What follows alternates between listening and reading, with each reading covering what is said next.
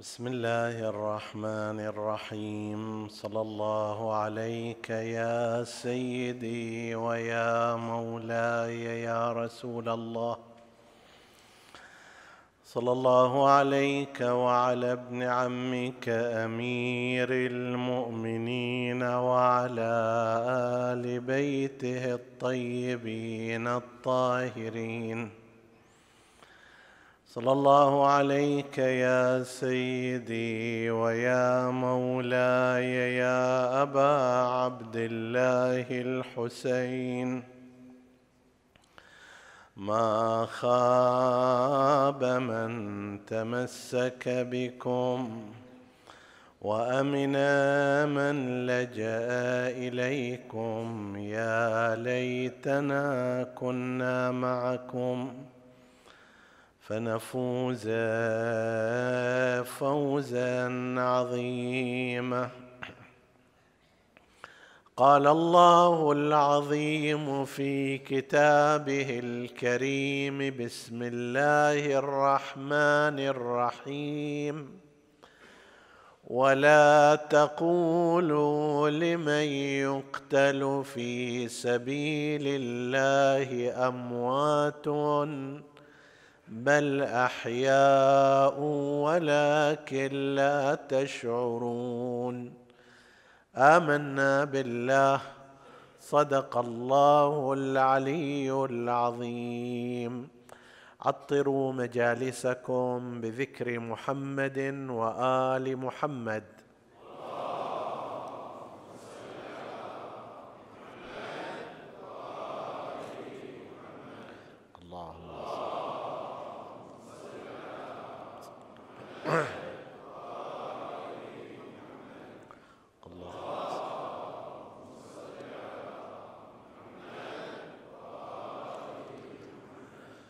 حديثنا بإذن الله تعالى بعنوان بين الثقافة الرسالية والثقافة الخاطئة. الآية المباركة ينهى فيها ربنا الناس عن أن يقولوا للشهداء أنهم أموات. ويقول إنهم أحياء أنتم الذين لا تشعرون. ما هو الغرض من هذا التوجيه؟ لو أن الإنسان أراد أن ينظر إلى القضية ضمن إطارها الظاهري لقال أن الشهداء بالنتيجة هم أموات. لا يتنفسون لا يأكلون لا يتحركون لا يتفاعلون وهم تحت التراب. فما الداعي إلى مثل هذا الخطاب الجازم والحازم في أنهم لا تقولوا لهم هذا الكلام. كأن والله العالم أحد الأغراض كأن أحد الأغراض التي يريدها القرآن الكريم هو أن يصنع هو ثقافة الناس الصحيحة والسليمة وأن لا يترك الثقافات الخاطئة والأفكار الباطلة تتحكم في أذهان المسلمين.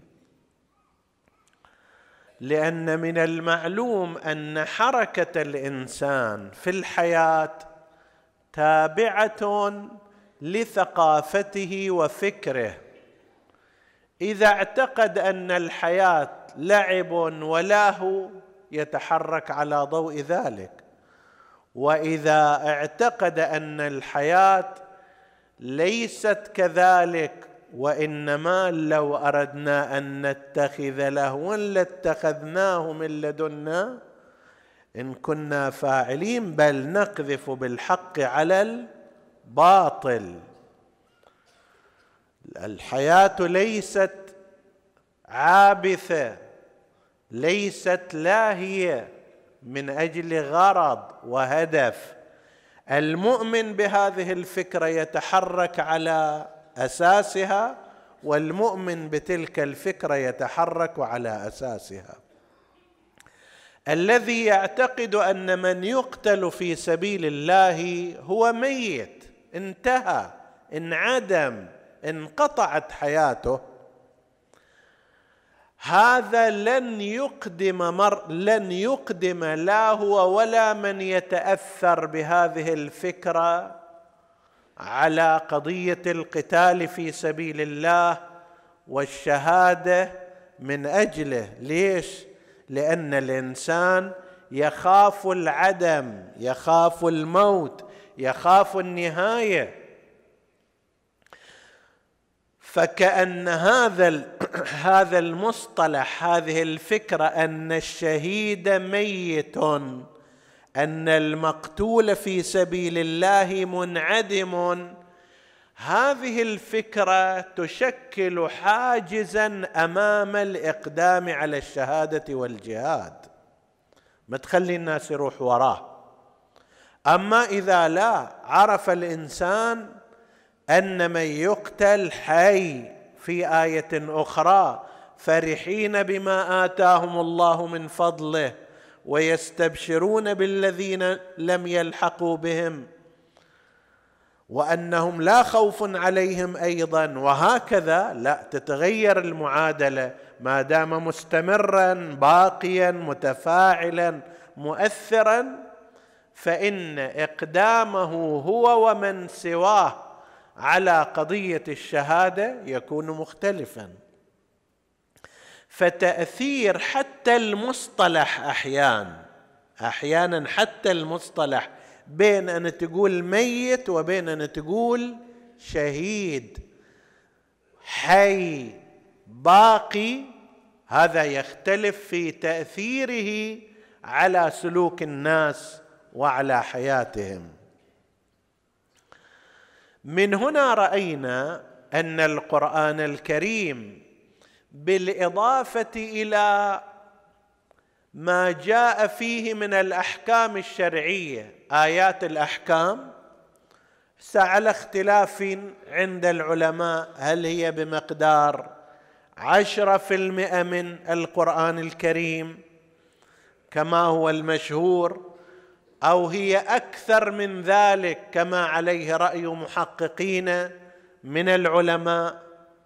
على أي حال هي ليست كل القرآن.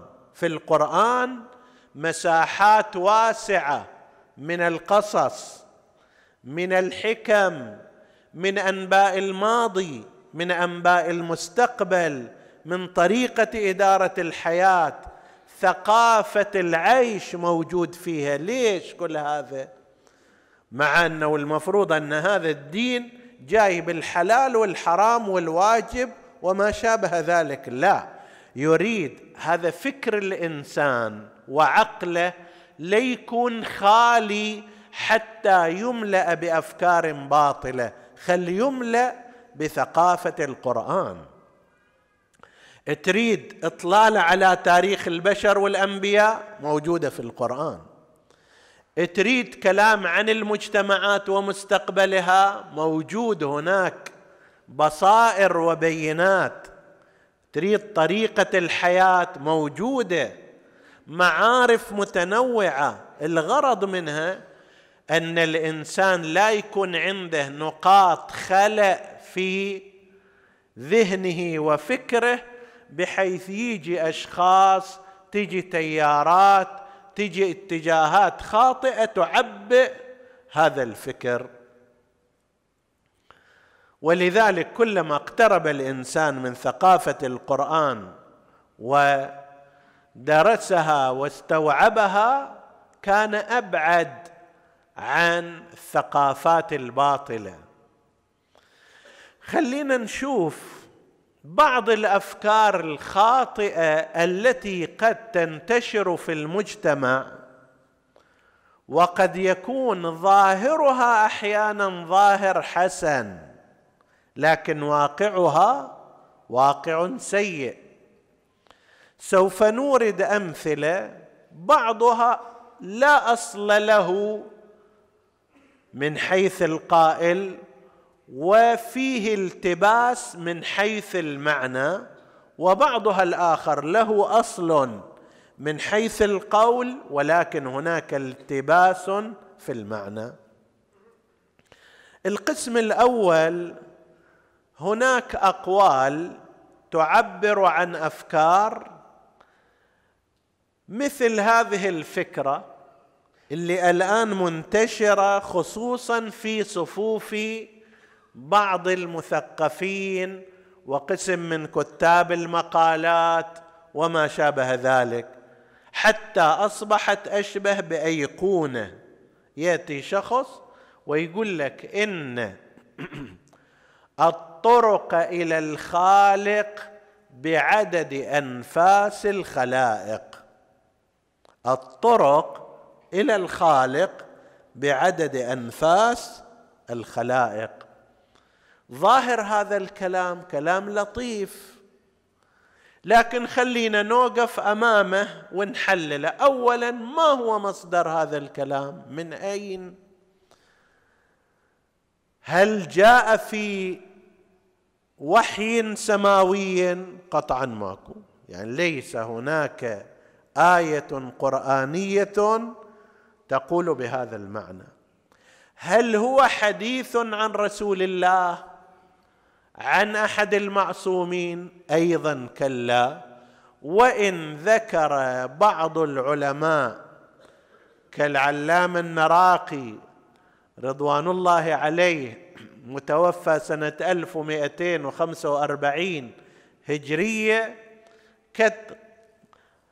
ذكر في أحد كتبه أنه عن أمير المؤمنين لكن هذا الكلام رده علماء محققون وقالوا إنه من باب الاشتباه وسبق القلم كما يقولون. لا يوجد في تراث أمير المؤمنين الحديثي ولا سائر المعصومين مثل هذه العبارة.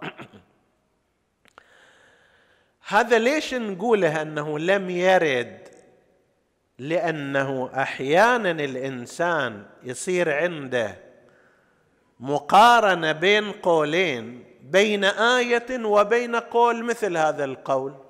أنا لست ملزما أن أصدق هذا القول أنا ملزم أن أصدق الآية المباركة. ملزم أن أتبع الحديث الثابت عنهم.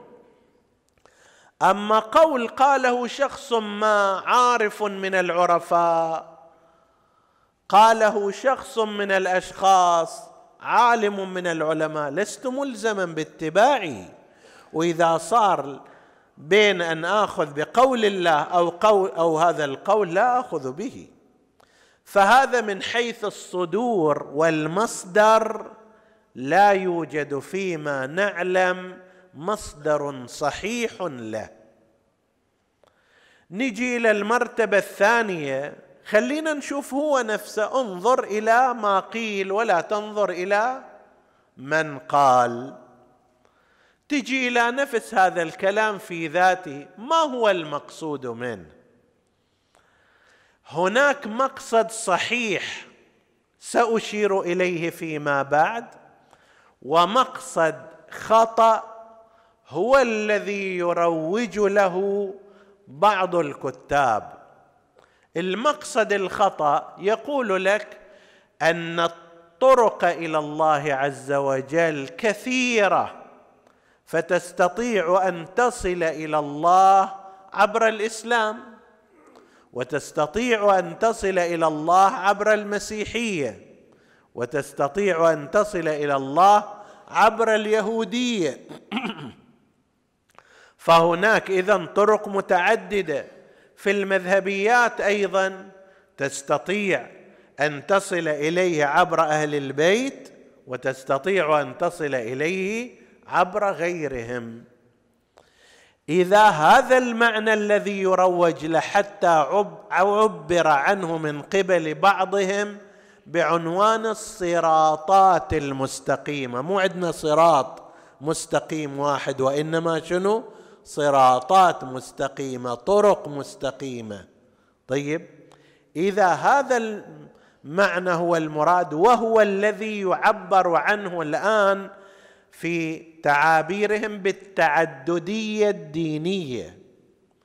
هذا المعنى لا شك ولا ريب مخالف تمام المخالفة لما جاء من الوحي في القرآن ولما جاء من الأحاديث الصحيحة بل المتواترة عن أهل البيت عليهم السلام. أما ما جاء في القرآن فمعلوم أنه صراط واحد فقط واهدنا الصراط المستقيم صراط معين معهود هي ال ال العهد. اهدنا الصراط المستقيم يعني الصراط المستقيم المعروف المعهود وهو الذي جاء به القرآن الكريم وفي جهة النفي ومن يبتغي غير الإسلام دينا فلن يقبل منه. هذا المعنى الأول اللي يريده مثل هذا الفكر يقول لك أي طريق بالتالي أنت غير تريد توصل إلى الله توصل إلى الله بأي طريق من هالطرق. بوذية توصل إلى الله. سيخية توصل إلى الله. هندوسية توصل إلى الله.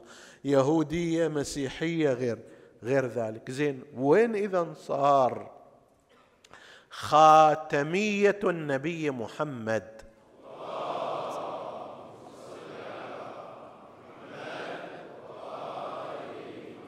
وأين النفي إن الدين عند الله الإسلام؟ إن الدين عند الله الإسلام يعني بعد رسول الله ينحصر الدين الذي يطلبه الله فقط في الإسلام. من يبتغي غيره يعتبر غير مقبول العمل لن يقبل منه. وهو في الآخرة من الخاسرين. على مستوى المذهب أيضا إذا كان هذا الطريق يؤدي ذاك الطريق يؤدي هذا الطريق يوصل ذاك الطريق يوصل ماذا يعني قول رسول الله؟ مثل أهل بيتي فيكم كمثل سفينة نوح من ركبها نجا ومن تخلف عنها غرق مهما ركب من السفن الأخرى. هذا مقتضى الشرطية يتحدثون عنه وإلا لا معنى لهذه الشرطية. لاحظوا أيضا مو أي سفينة سفينة نوح اللي لا في ذلك الزمان في ذلك الوقت المثال ماله لا عاصم من أمر الله إلا من رحم بركوبه في تلك السفينة. تركب على شجرة تركب على سطح تركب على ما أدري جذع أي شيء ماكو. هنا أيضا من ركبها؟ نجا نسأل الله أن يجعلنا من ركابها. ومن تخلف عنها بأي شيء جاء؟ مهما جاء به من المناهج والاتجاهات والطرائق غرق. فهذا الحكي إذا بهذا المعنى لا لا يوجد هناك صراطات مستقيمة.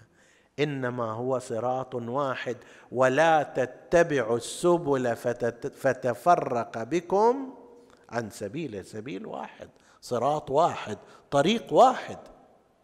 نعم أكو معنى آخر يمكن أن يكون صحيح بس هذا مو مقصود أصحاب الثقافة المعاصرة وإنما مقصود بعض العلماء ممن استدل بهذه الكلمات. ولعل مثل المحقق النراقي واحدا منهم لعل المحقق النراقي واحد منهم في هذا المعنى.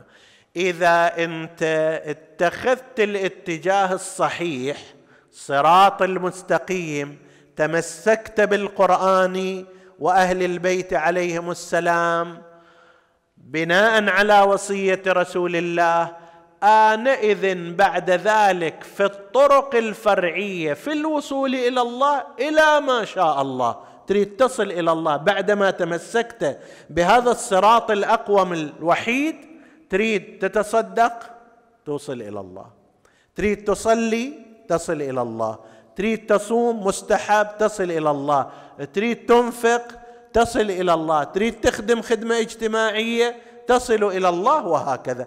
ما دام خطك الأساس هو الخط السليم والصراط المستقيم آنئذ نوع في طرق التقرب إلى الله سبحانه وتعالى وهي بعدد أنفاس الخلائق. النية الطيبة تثاب عليها توصلك إلى الله. الكلمة الطيبة تثاب عليها توصلك إلى الله. المال والصدقة الجهد الاستحباب الحج العمرة كل هذه نعم توصلك.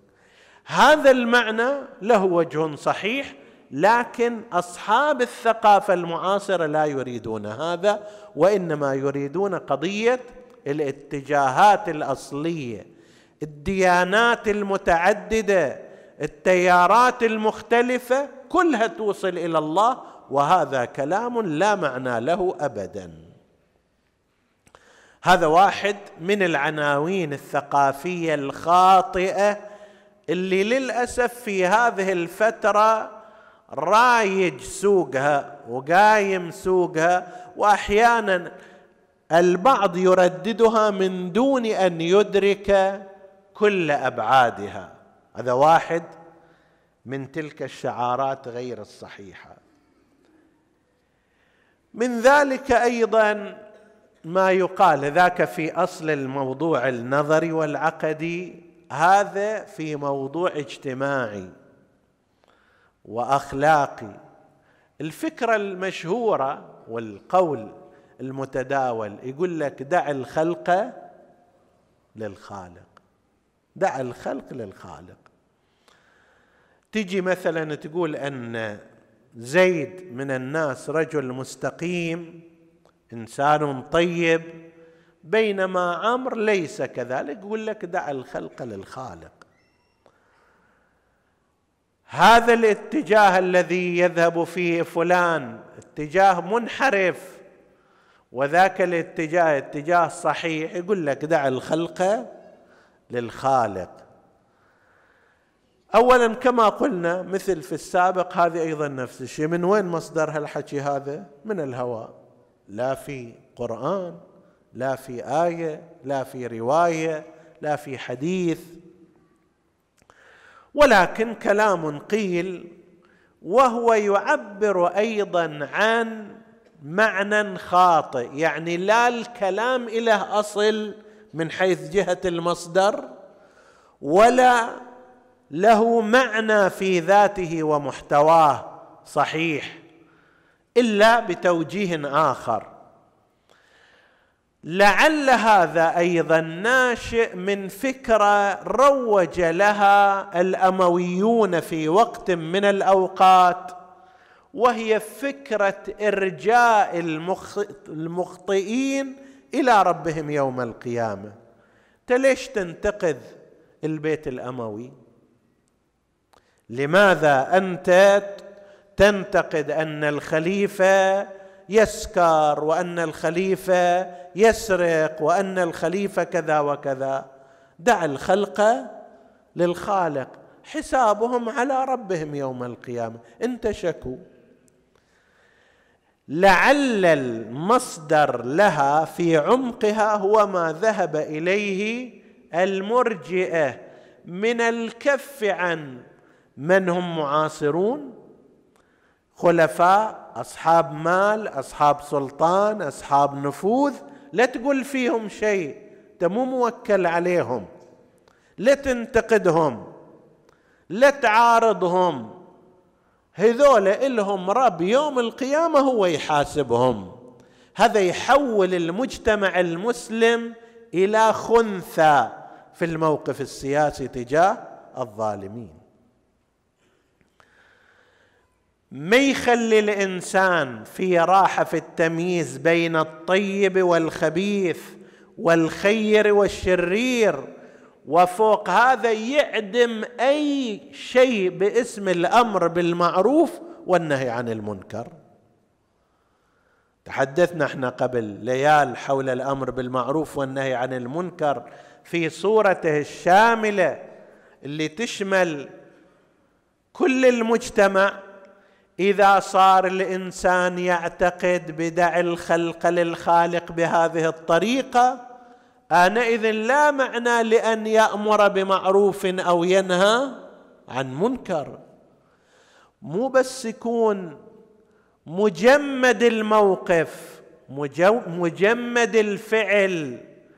لا يقول لشيء خطأ هذا خطأ.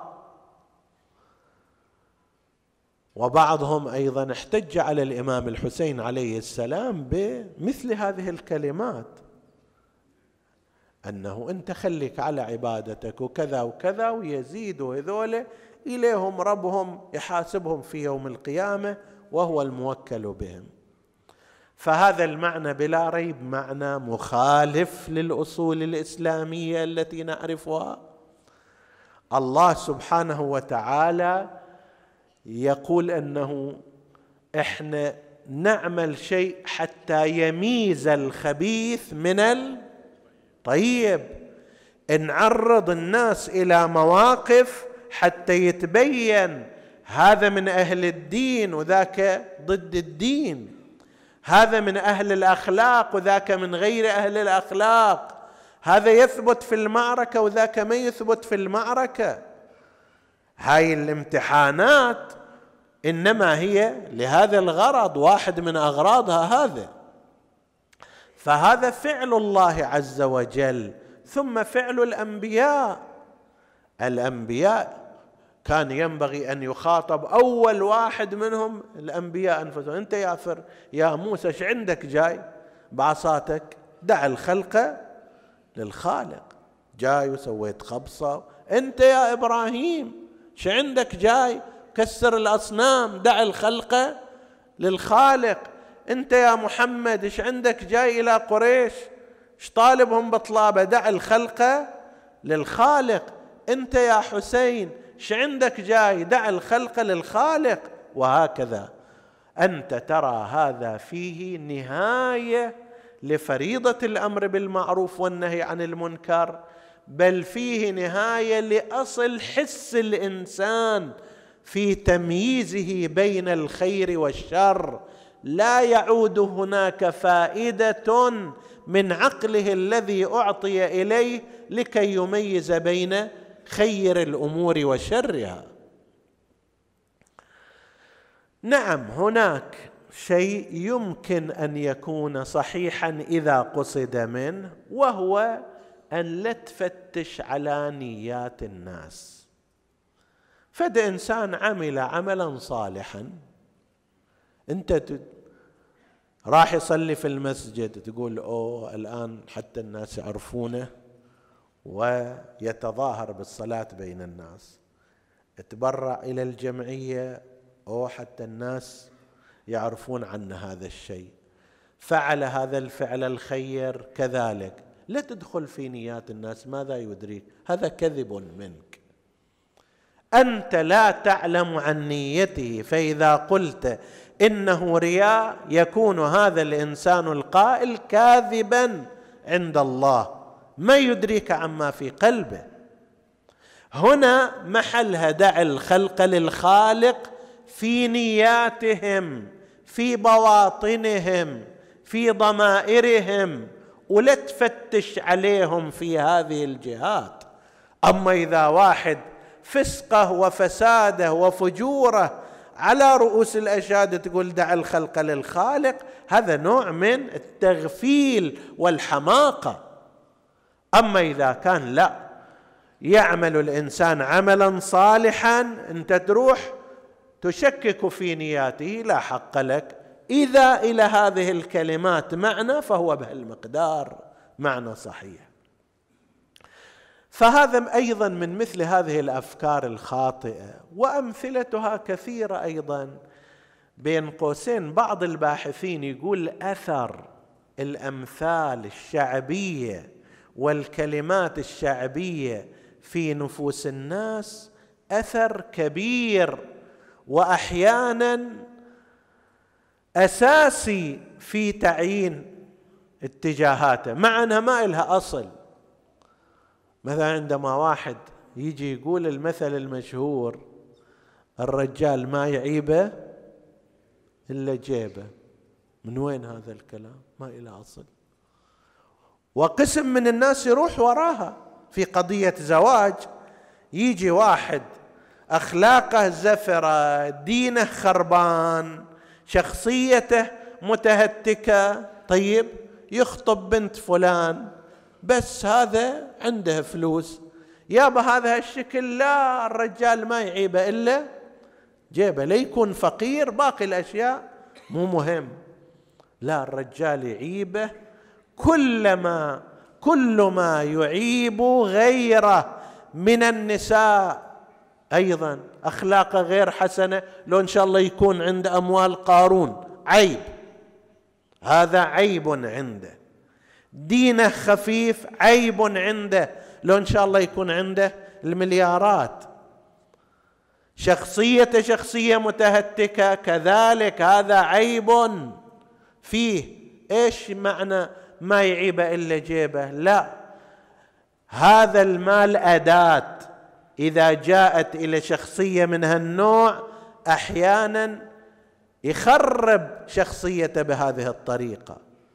إذا جاءت عند إنسان عاقل فاهم لا يرقى الدرجات العالية. فأنت تشوف مثل هذا مثل لكن أحيانا لأنه أنا أنقله إلى ابني وابني يصدق هذا باعتبار جاي من والده وهو هم ينقله إلى ابنه. فتشوف المجتمع في بعض فئاته يمشي على شيء ما إله أصل ولا إله معنى ولا يصح. بس يمارسه الشكل كم من الزيجات صارت على قاعدة ما يعيب إلا جيبه.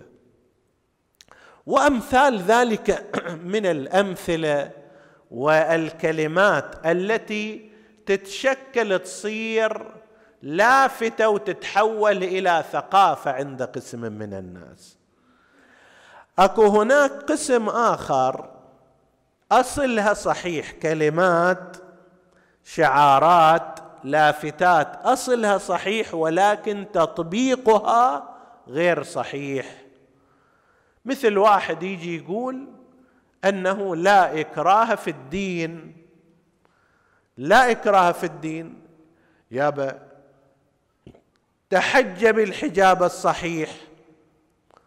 فتجيبك أنه لا لا إكراه في الدين. يا شنو ربط هذا بذاك؟ هذا إلى معنى ذاك إلى معنى آخر.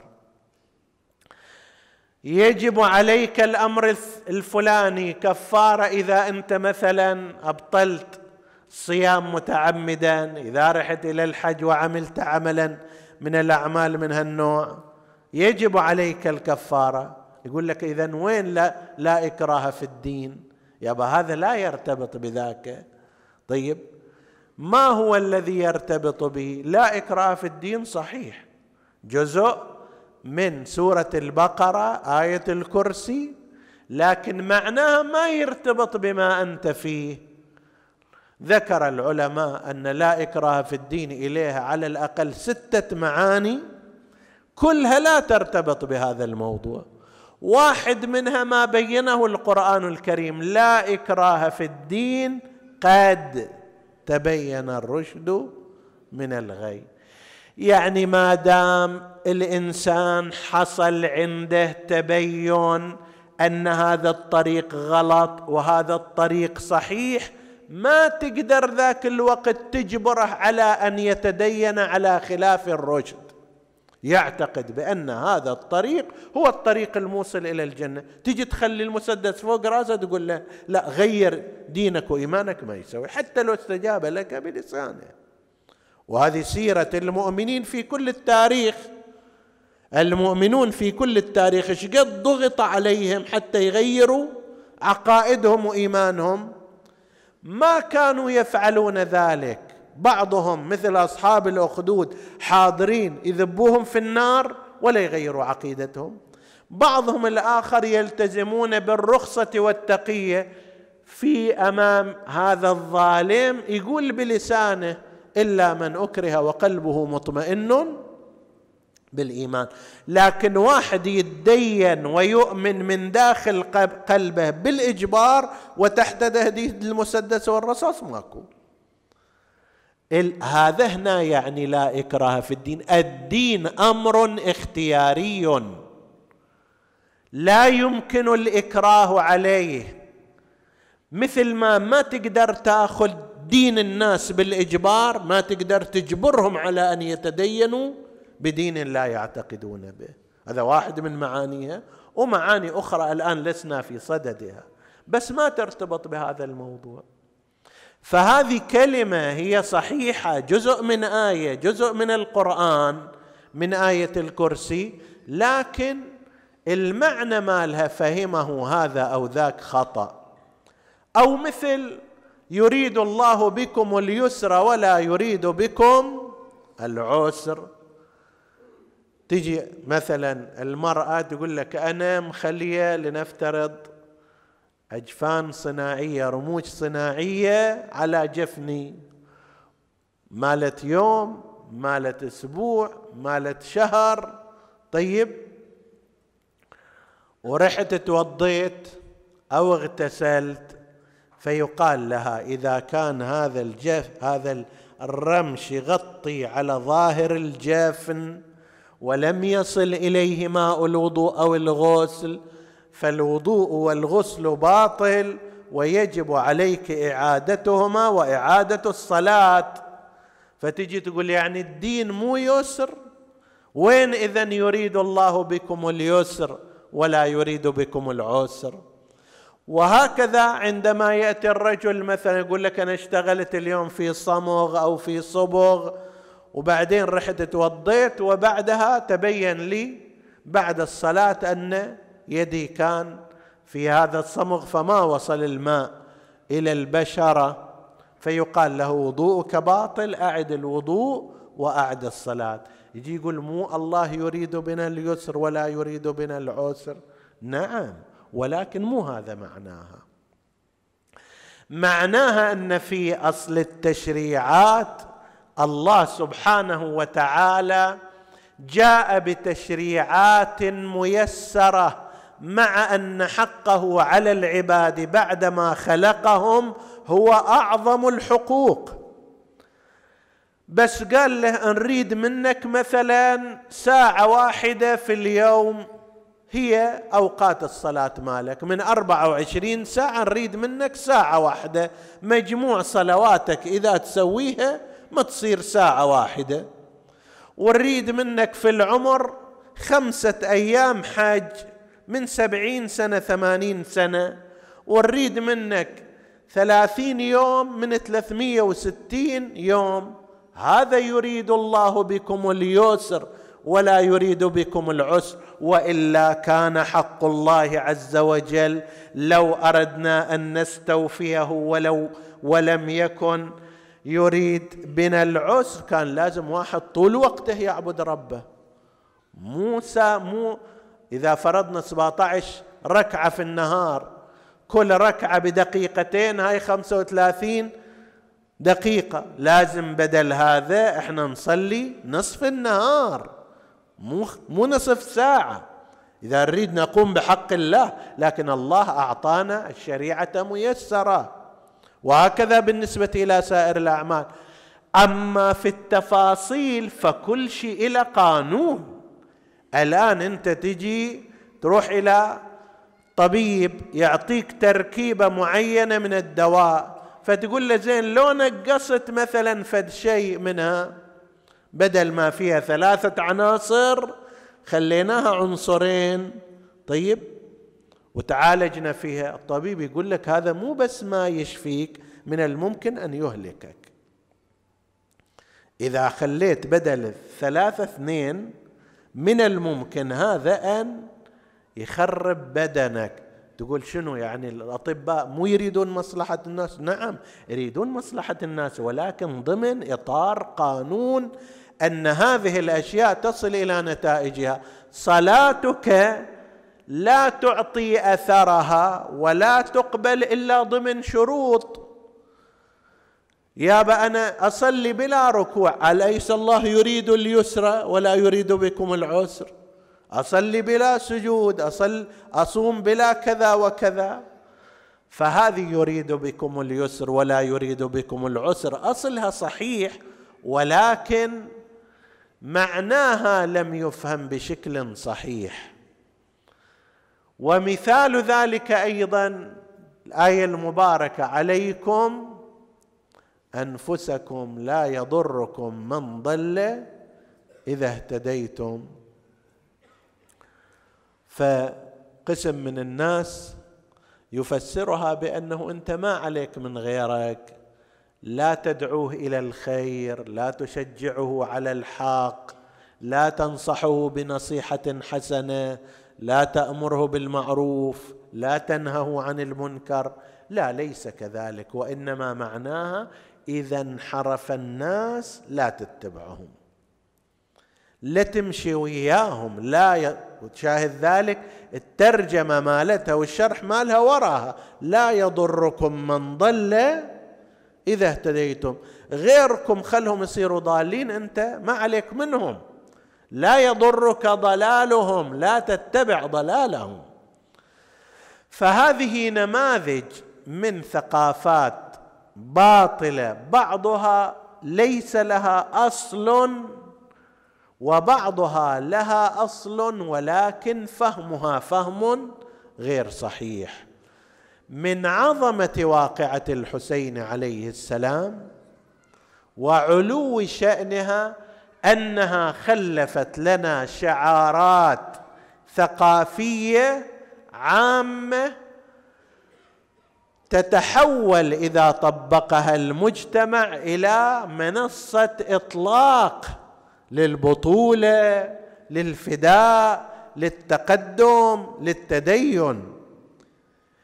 لاحظوا أن ما ينقل الآن في المنابر في كل الأجواء الشيعية وهذه من نعم الله عز وجل بعض كلمات الحسين عليه السلام.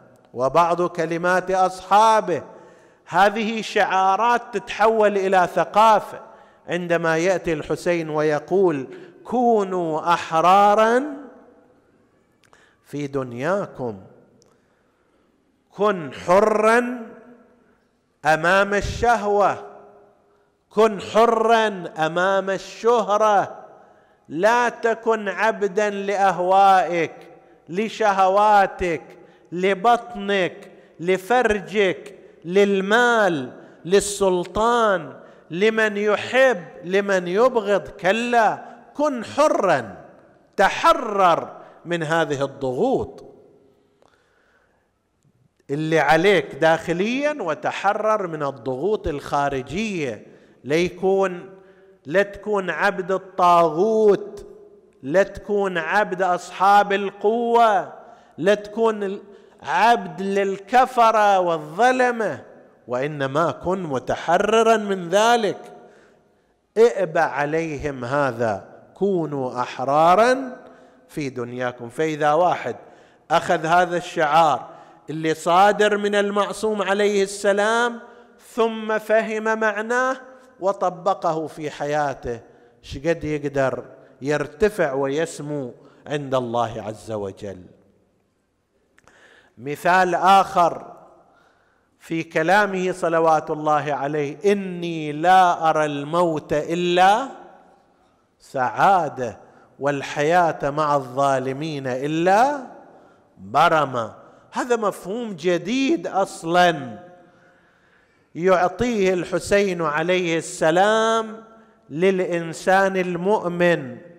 ترى الحياة المقرونة بوجود الظلم في هذه لا يحرص عليها بينما الموت في سبيل العز في سبيل الدين في سبيل الله هذه سعادة. وهكذا أصحاب الحسين وبنو هاشم. أبو الفضل العباس ذكرنا عنه قوله ذكرنا عنه, عنه قوله والله إن قطعتم يميني إني أحامي ابدا عن ديني. تتصور موقف واحد يده مقطوعة تنزف دماء في ذاك الوقت بدل ما يقول آخ بدل ما يتأوه بدل ما يتألم يتذكر لماذا حصل له ذلك. ويزيد اصرارا والله إن قطعتم يميني أنا ما أتراجع ما أتألم مع أن الألم قطعا كان الما حادا. يعني واحد يجرح جرح بسيط يخرج منه الدم قد يتألم؟ كيف؟ يد مقطوعة. بس يستذكر هناك مبادئه إني أحامي ابدا عن ديني. ومثل ذلك قول أبي الحسن علي الأكبر. سلام الله عليه. أولسنا على الحق؟ اذا لا نبالي. وقعنا على الموت أم وقع الموت علينا؟ التعبير هذا اللي فيه من الجمال والروعة ما ليس في غيره. مو إحنا ننتظر ونحن أصحاب الحق أن الموت يجينا لا إحنا نقع على الموت. وما يختلف الحال عندنا بين هذه الطريقة وبين تلك الطريقة. لا نبالي أوقعنا على الموت أم وقع الموت علينا. كلمة خرجت من فم أشبه الناس خلقا وخلقا ومنطقا برسول الله. يعني إذا عرفنا منطق وعرفناها بمعنى طريقة التفكير فهذا هو نفس تفكير رسول الله أخذه عنه علي الأكبر. أشبه شخص بطريقة تفكير النبي أو بطريقة كلام النبي. لو كان رسول الله يعني هنا في هذا الموقف هم كان لا يقول إلا مثل هذا الكلام وأعلى من هذا الكلام. لم تر عين شاعره يقول فيه لم تر عين نظرت مثله من محتف يمشي ومن ناعل اعني ابن ليلى ذا السدى والندى اعني ابن بنت الحسب الفاضل لا يؤثر الدنيا على دينه كونوا أحرارا في دنياكم لا يؤثر الدنيا على دينه ولا يبيع الحق بالباطل يغلي بني اللحم حتى إذا أنضج لم يغل على الآكل. يظهر علي الأكبر بناء على هذا الشعر. كان صاحب كرم وسخاء وضيافة في زمانه اللي يخلي هذا الشاعر يمدحه بهذا المدح. نقلوا عنه صلوات الله عليه أنه كان إذا رافق أباه ومشى معه في النهار يمشي خلفه احتراما له. وإذا كان معه في الليل مشى أمامه فسئل عن الفرق في الأمر. قال في الليل في النهار أمشي احتراما خلف والدي وأما في الليل حيث أن الطرقات في ذلك الزمان غير مضاءة. فلعل هناك عثرة لعل هناك خطر خلي يصيبني أنا الخطر ولا يصيب والدي الحسين.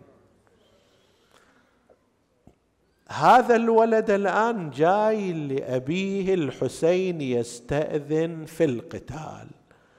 بهذا المستوى من المحبة والإحترام والأدب والشخصية قال المؤرخون فلما جاء علي الأكبر يست... وهو أول واحد من الهاشميين ها الحمل الثقيل لا يقوم به إلا أهله. أول واحد جاء يستأذن أباه الحسين في القتال. قالوا فنظر الحسين إليه نظر مودع آيس. وأقبل يحدق في عينه كأنما يريد الحسين يترس عينه من هذا الوجود المهذب. بعدين ما راح يشوف هذا واقف على قامته وإنما سيراه عفيرا على التراب. فخل يملأ الآن عيونه من هذا الشباب. فأرخى العنان لعينيه بالدموع وسالت دموع الحسين على شيبته الكريمة وهو يقول إن الله اصطفى آدم ونوحا وآل إبراهيم وآل عمران على العالمين. علي الأكبر لما شاف دموع الحسين ما طولها وياه وإنما عرف في ذلك الإذن فانطلق إلى المعركة تشيعه دعوات أبيه. اللهم اشهد عليهم فقد برز إليهم. أشبه الناس خلقا وخلقا ومنطقا برسولك. وكنا إذا اشتقنا إلى رؤية نبيك نظرنا إليه. شوف دعاء الحسين على أولئك القوم. كيف ينبع من جمرة لهب في داخل قلبه جمرة حزن. اللهم امنع عنهم قطر السماء وبركات الأرض. فرقهم تفريقا مزقهم تمزيقا. ليش أبا عبد الله؟ قال فإنهم دعونا لينصرونا ثم عدوا علينا يقاتلوننا. ثم التفت إلى عمر بن سعد ونادى يا ابن سعد قطع الله رحمك. كما قطعت رحمي ولم تحفظ قرابتي من رسول الله صلى الله عليه واله. علي الاكبر انطلق وهو ينادي أنا علي بن الحسين بن علي. نحن وبيت الله اولى بالنبي. تالله لا يحكم فينا ابن الدعي. اضربكم بالسيف احمي عن ابي ضرب غلام هاشمي علوي أكثر القتل فيهم. بعض أرباب الخبر قال إنه قتل 120 في حملته ذلك. أجهد علي الأكبر. زاد عطشه تلهب قلبه كر راجعا إلى أبيه الحسين. يطلب الماء ولسان حاله. يا ابويا شربة مي. أتقوى وريد للميدان واحد. يا بويا انفطر كبدي وحق جدي. العطش والشمس والميدان والحار. يقل منين أجيب الماي. يا ابني ما هو حجيك شعب روحي وفتني. جاء علي قال أبا العطش قد قتلني ثقل الحديد قد أجهدني. هل إلى شربة من الماء سبيل؟ فرفع الحسين وجهه إلى السماء وصاح وغوثاه. هاي الجملة إحنا ما شفناها مع أي واحد إلا مع علي الأكبر. وهذا بالفعل أنت الله لا يوقفك هذا الموقف. ابنك يجي عطشان يكاد يموت من شدة الظمأ وليس عندك طريق لكي تسقيه وترويه. لذلك استغاث بالله عز وجل. صاح واغوثاه ما أقرب الملتقى بجدك المصطفى حتى يسقي يسقيك شربة من الماء. بني علي ارجع إلى القوم. ما هي إلا ساعة يسقيك جدك شربة من الماء. قبل أن يرجع بعض أرباب الخبر يقول قال بني علي ادخل إلى أمك إنها في الخيمة. الله يرد الغائبين إلى أمهاتهم. الله يساعد هالأمهات الأم تشوف ابنها جاي من سفر كان مرتاح فيه. من الدراسة مع ذلك تبكي بكاء مرا وهو سالم وما عنده شيء. شنو راح يصير؟ لقاء ليلى مع ابنها وقد رجع وهو قلبه كصالية الغضا من شدة الظمأ. والآن راح يرجع أيضا إلى المعركة لكي يقتل. دخل إليها يقول أرباب الخبر وإذا بها مغمى عليها في داخل الخيمة. جلس عندها وضع رأسها في حجره. الله الله أيها المؤمنون في أمهاتكم أيها الشباب أيتها الفتيات هذه الأمهات بركات الله الباقية. ليكون يوم من الأيام تفقدها وهي غاضبة عليك. جلس عندها علي الأكبر وضع رأسها في حجره. سالت دموعه على وجهها وإذا بها تفيق ترى وجه علي لما رأت وجه علي كأني بها بلسان الحال. ألف مرحبا.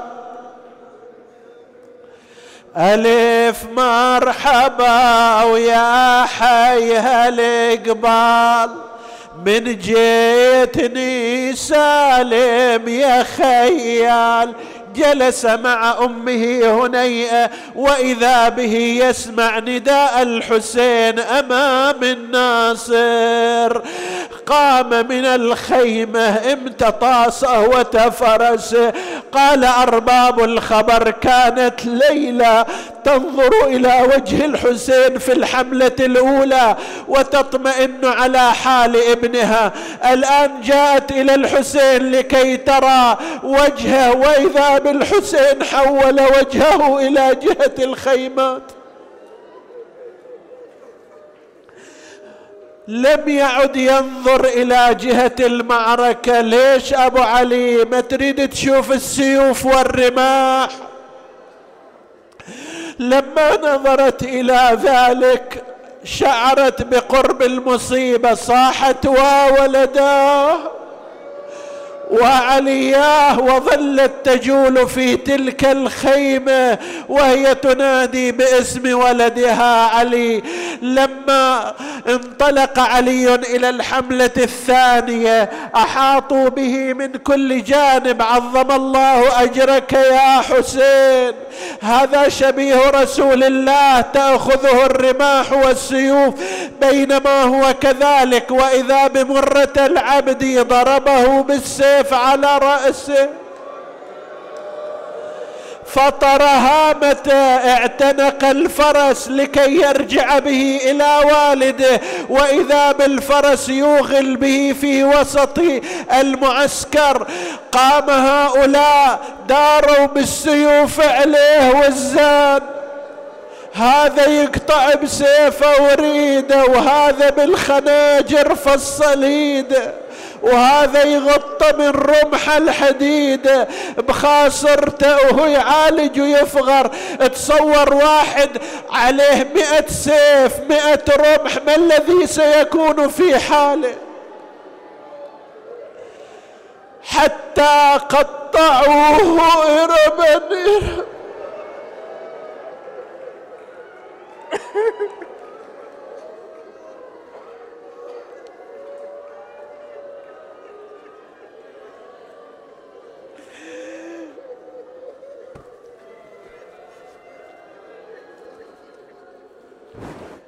لما بلغت روح التراقي نادى أبا يا حسين عليك مني السلام. هذا جدي قد سقاني بكأسه الأوفى شرب لا أظمأ بعدها. يعني بويا لا تبكي علي أنا رحت عطشان أنت اللي راح تروح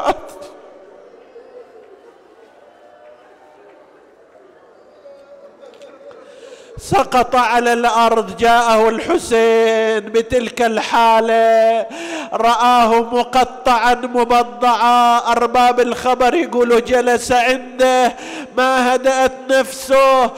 ضمه إلى صدره ما هدأت نفسه. اعتنقه وتمدد إلى جانبه. وهو يقول بني علي قتلوك؟ قتلوك؟ ما أجرأهم على الرحمن وعلى انتهاك حرمة الرسول. الشيخ الششتري رضوان الله عليه يقول هنا زينب خافت على الحسين أن تفارق روحه الدنيا فخرجت على باب المخيم ووضعت يدها على رأسها وصاحت وولداه وعلياه لما سمعها الحسين سمع صوت زينب قام يكفكف دمعه بكمه رجع إليها إلى المخيم وأدخلها ثم نادى يا بني هاشم قوموا واحملوا عليا أنا ما أقدر على حمله من قطع وصالك بسيفه يا علي. يا ابني بعدك على الدنيا العفا. فرقاك شي يا ابني أكبر يا نور العين يمتر بالخير يا ابني شقول لعمتك لو سايلت عين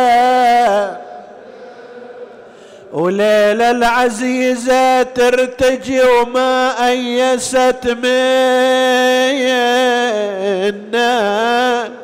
أكبر يا نور العين يا مترب الخير ما أقدر أقول لهم علي مطروح بالرمضان. العدوان جسمه مقطعين مفصل الأعضاء. أكبر يا نور العين يا معفر الخ ابني هل لك عودة. حتى أقول مسافر كنت السواد لناظري فعليك يبكي الناظر يا الله بالحسين الوجيه وجده وأبيه وأمه وأخيه والتسعة بنيه والمستشهدين بين يديه اغفر لنا ذنوبنا. كفر عنا سيئاتنا آمنا في أوطاننا لا تسلط علينا. من لا يخافك ولا يرحمنا ولا تفرق بيننا وبين محمد وآله طرفة عين. فضل اللهم إخواني الحاضرين فردا فردا واقض حوائجهم اشف اللهم مرضاهم لا سيما المرضى المنظورين ومن سئلنا الدعاء بحقهم أن تفرج عنهم وتشفيهم شفاء عاجلا يا رب العالمين. تقبل اللهم عمل المؤسسين بأحسن القبول إلى أرواح موتاهم وموتى السامعين. نهدي ثواب الفاتحة تسبقها الصلوات.